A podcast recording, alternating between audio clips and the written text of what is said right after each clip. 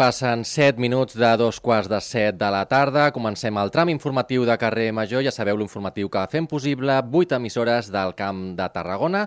Des d'ara i fins les 7 us acompanyem la Gemma Bufies des de Ràdio Montblanc i des de Ràdio Ciutat de Tarragona, el Iago Moreno als controls tècnics, la producció d'Alvaro Rodríguez i a mi mateix, l'Adrià Requesens. Comencem.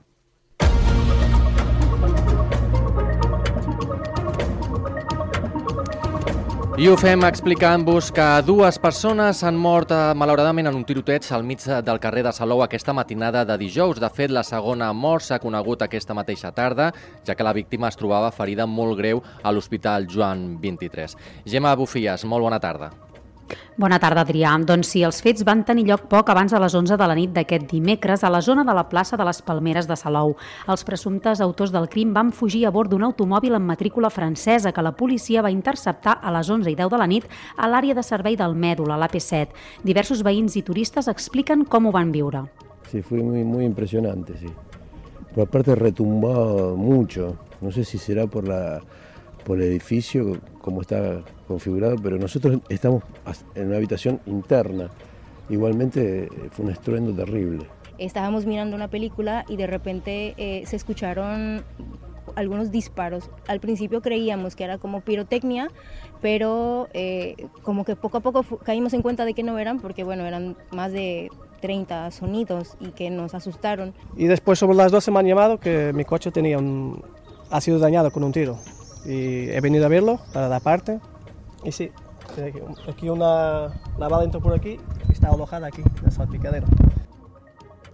Ara la causa està oberta per dos delictes d'assassinat després que nit morís un altre home. Els Mossos d'Esquadra continuen amb el dispositiu de recerca per trobar els altres presumptes autors del crim. I més enllà d'això, avui recollim les dades de l'atur que s'han reduït en un 4% al Camp de Tarragona i les Terres de l'Ebre durant el mes d'abril hi ha 1.730 persones menys inscrites a les llistes de desocupats que el mes de març, quan el retrocés va ser del 2%, amb un total de 39.709 persones que no tenen feina. En comparació amb l'abril del 2022, el descens de l'atur a les comarques tarragonines i abrenques és del 10,09%. El sector serveis, amb, un, amb 1.342 inscrits de menys, lidera novament el descens i la molta distància de la resta de sectors. Foment del Treball ha celebrat aquestes dades de l'atur, tot i que ha subratllat la incidència evident de la Setmana Santa, sobretot en àmbits relacionats amb el turisme.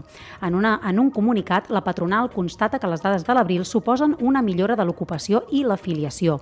En canvi, afegeix cal tenir en compte que el descens de l'atur registrat ha estat pitjor que els dels anys precedents, sense tenir compte la pandèmia i sense tenir en compte els fixos discontinus sense activitat. I la jornada d'avui també està marcada pel Congrés de l'Advocacia Nacional que s'està celebrant al Centre de Convencions de Port Aventura. L'advocacia catalana i l'espanyola consideren que la justícia està a punt del col·lapse després de la pandèmia i les vagues del sector. Per això reclamen un pacte d'estat per reformar-la. Ho ha dit la presidenta del Consejo General de l'Abogacía, Victoria Ortega. Una pandemia que llegó a, cerrar las puertas de juzgado, lo cual ya supuso una ralentización grande y a esto hay que unirle pues las paradas que vamos teniendo ahora sucesivas por las huelgas, bien de los LAC, los funcionarios, amenazada de jueces y fiscales, entonces llega un momento que puede colapsar absolutamente. Des del Consell de l'Advocacia Catalana també exigeixen millores en els advocats del torn d'ofici. Per exemple, volen l'actualització de l'IPC en els pagaments. La presidenta del Consell de l'Advocacia Catalana, Encarna Orduna, ha explicat que durant la crisi econòmica del 2008 se'ls va baixar la quantitat econòmica que perceben i amb l'increment d'enguany només han arribat a una xifra semblant, semblant a la del 2010. El que reclamem, que ja venim reivindicant des de fa molt de temps, i que ara estem de nou en reunions amb el Departament de Justícia és l'actualització de l'IPC des de l'any 2010. Llavors, amb l'actualització que ens han fet aquest any, hem arribat al 2010, però clar, necessitem l'actualització. A banda també de reclamar que se'ns paguin moltes de les actuacions que estem fent i que no s'estan cobrant. Els advocats confien que les futures lleis d'eficiència organitzativa, processal i digital que estan en marxa ajudin a millorar l'organització del sistema judicial. Precisament aquest congrés coincideix amb el primer dia de vaga total dels funcionaris de justícia. Des de Ràdio Ciutat de Tarragona ens ho amplia l'Àlvaro Rodríguez. Una cinquantena de funcionaris de justícia s'han concentrat aquest dijous davant la subdelegació del govern a Tarragona en el primer dia de vaga total. Cridats pels sindicats UGT, Comissions Obreres, Estag i CESIF, els funcionaris demanen tirar enrere la LOE i aconseguir retribucions per les funcions que han assumit. La protesta ha carregat contra la ministra de Justícia, Pilar Llop, per qui demanen la seva dimissió. Remei Pérez, delegada sindical d'Estag, assegura que arribaran fins al final amb la seva lluita i demanen a la ministra seure a la taula d'una vegada per totes. S'ha de seure a la taula i no a cop de talonari, sinó parlar, escoltar i treballar en el sentit de 45.000 persones que treballen pel Ministeri de Justícia, nosaltres tenim molt clar que l'engranatge que tenim és tots els funcionaris i cossos especials de l'administració de justícia.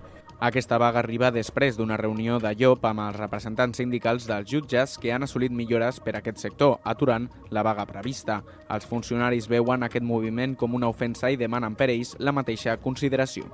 Gràcies, Álvaro. I els municipis costaners del Baix Gaià i la ciutat de Tarragona seran presents aquest cap de setmana a la Fira de Turisme Expo Vacaciones de Bilbao. L'esdeveniment és un dels principals pols d'atracció del turisme estatal per la demarcació. Ens ho explica Raquel Martínez des d'Ona la Torre. La cita arrenca aquest divendres i s'allargarà fins diumenge dia 7.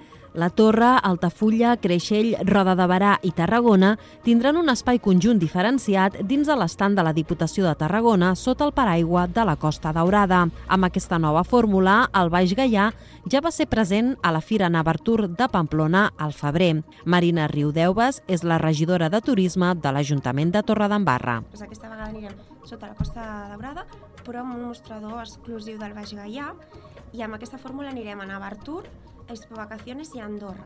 A Bilbao, els municipis del Baix Gaià oferiran als visitants un tas d'oli de la denominació d'origen siurana cedit per la cooperativa de Salomó. Expo Vacaciones és una de les fires del sector turístic més destacades del nord d'Espanya. La mostra tindrà uns 150 expositors. L'any passat va rebre uns 30.000 visitants.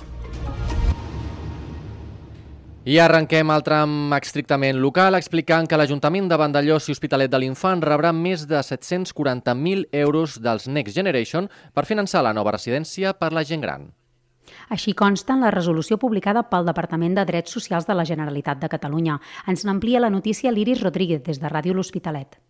El Departament de Drets Socials de la Generalitat de Catalunya ha otorgat una subvenció de gairebé 741.000 euros l'Ajuntament de Vandellós i l'Hospitalet de l'Infant per a la residència per a la gent gran i condicionament de l'entorn.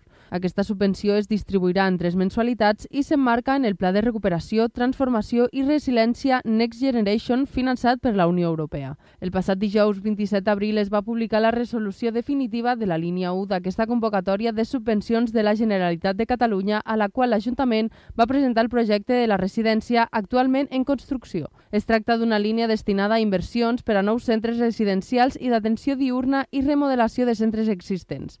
Les obres de construcció d'aquest nou edifici tenen un pressupost de més de 3,4 milions d'euros. Per finançar-les, el consistori comptarà amb aquesta subvenció del Fons Europeu Next Generation i també amb la subvenció de la Diputació de Tarragona de gairebé 675.000 euros i del Ministeri per a la Transició Ecològica i el Reto Demogràfico i d'Enresa de 380.900 euros.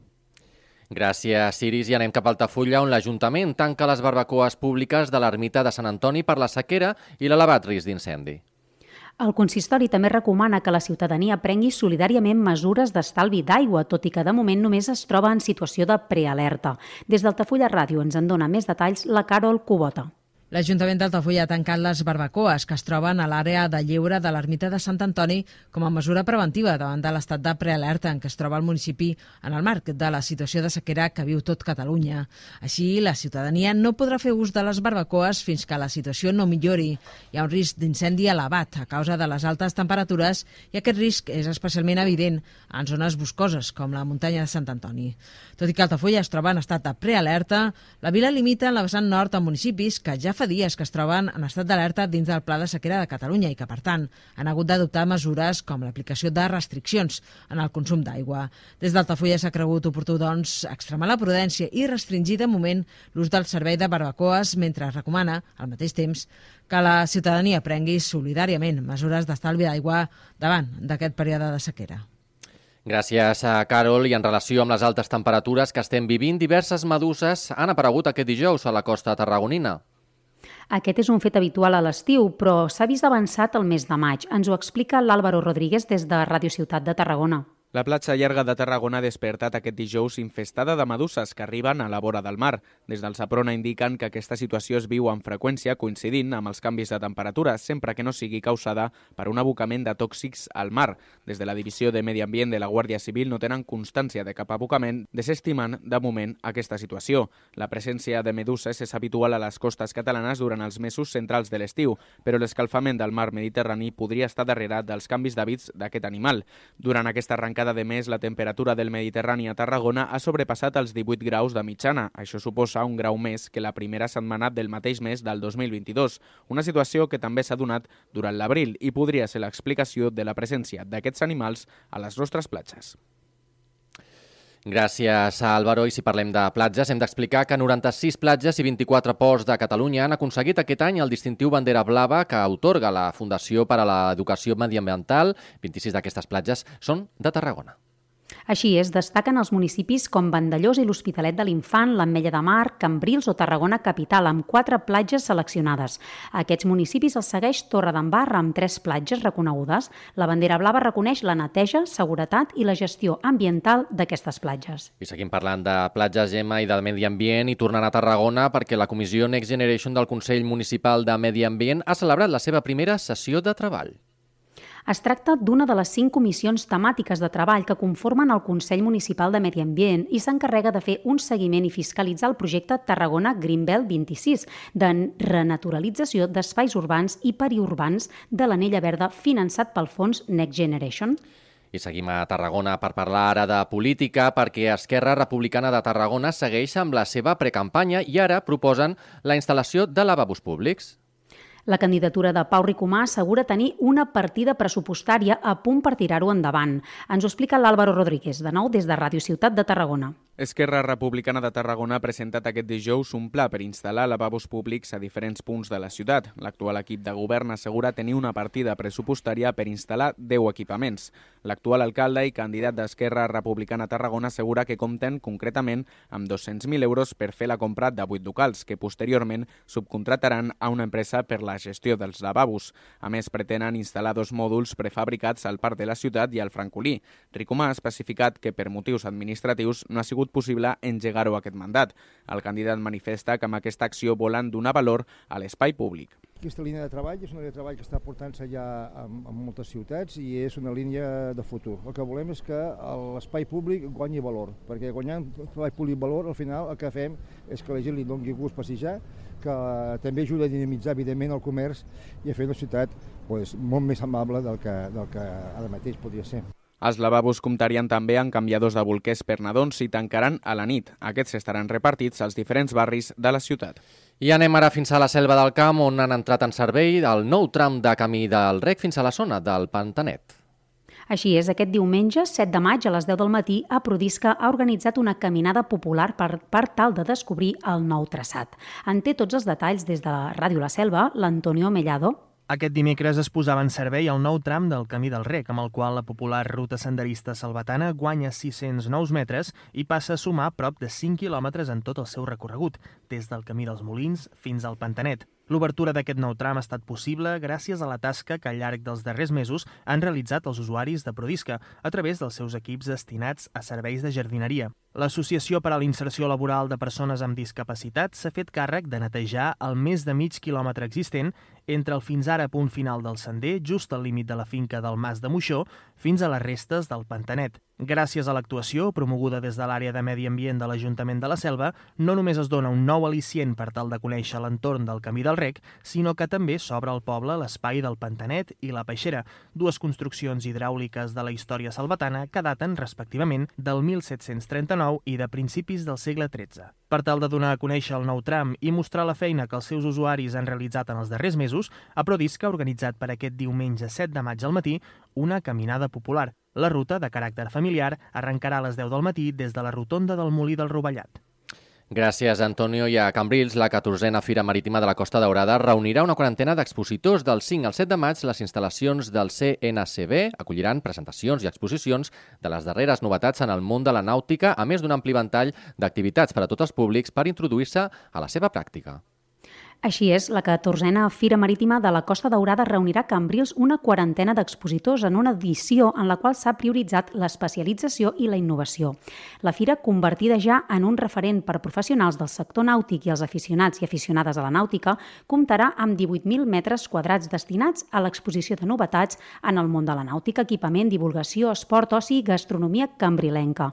Les empreses especialitzades ocuparan la zona de Ribera i Llevant, on també hi haurà lloc per la gastronomia, l'artesania l'artesania i l'oci. I d'una fira a una altra, Tarragona acull per quarta vegada la Fira Binàrium.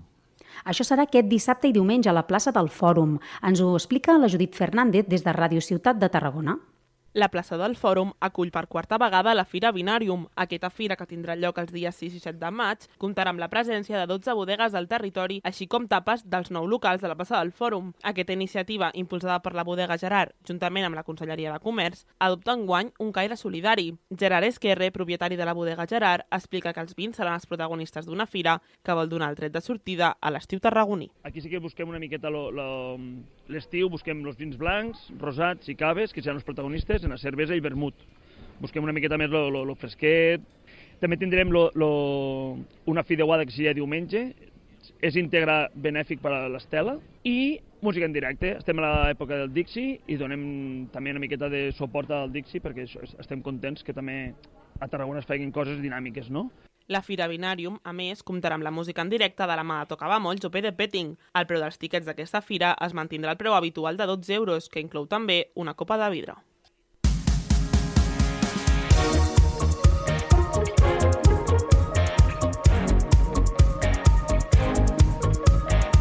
I obrim crònica esportiva per comentar que tot just demà s'obren les inscripcions per participar en la vuitena edició del Rally Costa Daurada Legend de Reus. Aquesta prova canvia enguany la seva data habitual en els mesos de tardor i tindrà lloc aquests dies 9 i 10 de juny en trams de les comarques del Baix Camp i Priorat. A més, com a gran novetat, aquest 2023 el rally passarà a ser puntuable per primera vegada al Campionat d'Espanya de Ral·lis de Vehicles Històrics.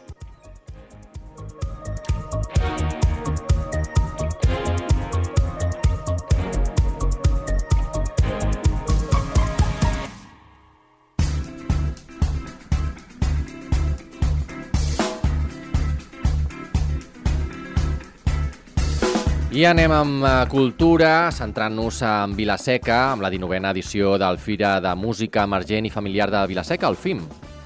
El programa d'enguany s'allargarà un dia més de l'habitual, coincidint amb un moment dolç de la creativitat de l'escena musical emergent. El cartell combina mig centenar de concerts i activitats professionals. L'organització preveu igualar els 9.000 espectadors de l'any passat. Segons el director del certamen, en Martí Marfà, el tret diferencial de la FIM és que són capaços d'identificar grups que tenen potencial de trajectòria per donar-li sortida a l'indústria per nosaltres com a fira professional és molt important aquest, aquest segment de gent que, que ve a treballar, ve a fer negoci i ve a, bueno, bàsicament a interactuar entre els, entre els programadors i programadores i tots els professionals, artistes, managers que, que tenen propostes per, per presentar-los i, i del que es tracta d'alguna manera és de dinamitzar el sector. Per a bandes com la Caral Albinyana Blues Trio dedicada al públic infantil, actuar la FIM representa un punt de trobada amb programadors on donar a conèixer la seva proposta i facilitar nous contractes.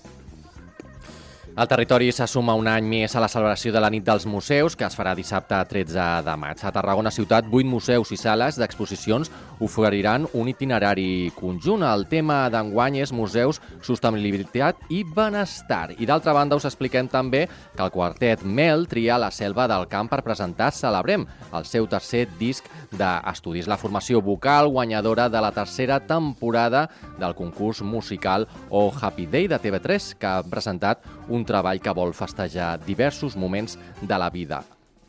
I per anar acabant ja avui l'informatiu us expliquem també que ja està tot a punt per les festes de Sant Maties de Montblanc. Tindran lloc del 12 al 14 de maig. Nosaltres posem el punt i final en l'informatiu d'avui. Demà ja sabeu que tornem novament a partir de les 4 de tarda a la vostra sintonia de proximitat, a Carrer Major. Que tingueu molt bona tarda. Fins demà. Fins demà.